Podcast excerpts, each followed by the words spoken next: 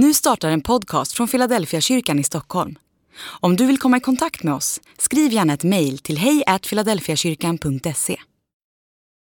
Dag 297 Adam och Eva Då formade Herren Gud människan av jord från marken och blåste in liv genom hennes näsborrar, så att hon blev en levande varelse.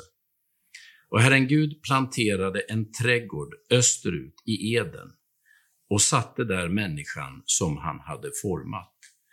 Första Mosebok kapitel 2, vers 7 och vers 8.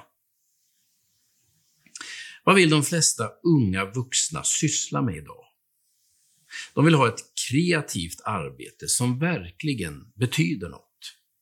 De vill inte stå vid ett löpande band och dra åt muttrar i 40 år för att sen gå i pension och vara glad för en lägenhet och kolonistugan. Nej, de vill skapa något bestående eller göra verklig skillnad. Sen vill de upptäcka världen. När jag var ung var man glad över att tågluffa i Europa. Idag reser 20-åringar världen runt. Man vill upptäcka exotiska platser, surfa i de största vågorna och upptäcka helt nya kulturer. När jag var tonåring var det stort att ha varit i Spanien. När jag tänker på dagens unga vuxna, vad de drömmer om och hoppas på, då tänker jag på Adam.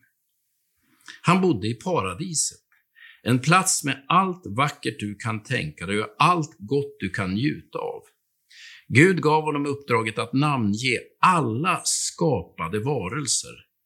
Fram tills Adam fick ge namn åt alla djur så var det bara Gud själv som gav namn åt allt skapat. Adam får alltså vikariera för Gud själv, tala om meningsfullt arbete.